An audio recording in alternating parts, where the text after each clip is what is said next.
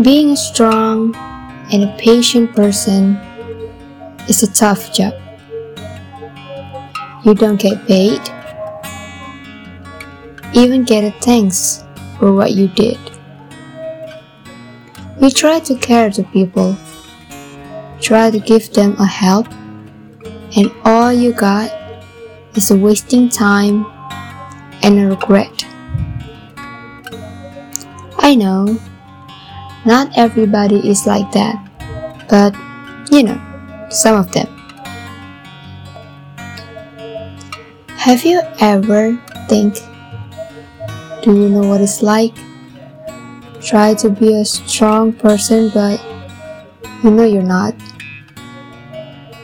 You try to act like everything is okay.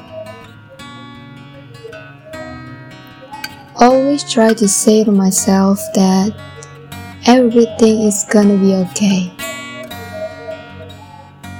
Try to hide everything from everyone just because you don't want to make them feel worried about you.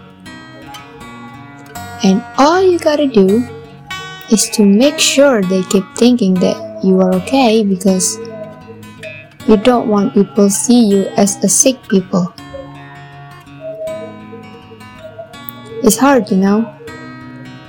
All you think about is crying out loud in the middle of nowhere and just want to punch yourself in the face or something just to make it feel better.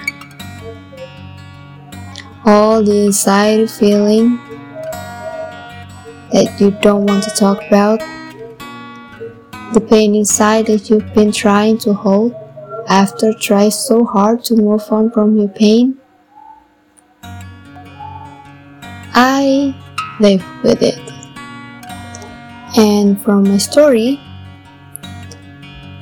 it's not that easy to move on from pain.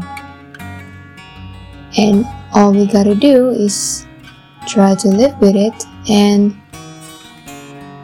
no matter how you try, you can't avoid it even just pretending there is no problem in your life.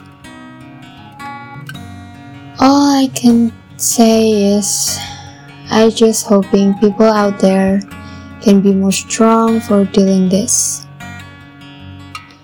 And I hope they could find a solution for their problem because that's all you can do to fight for your life, to keep living.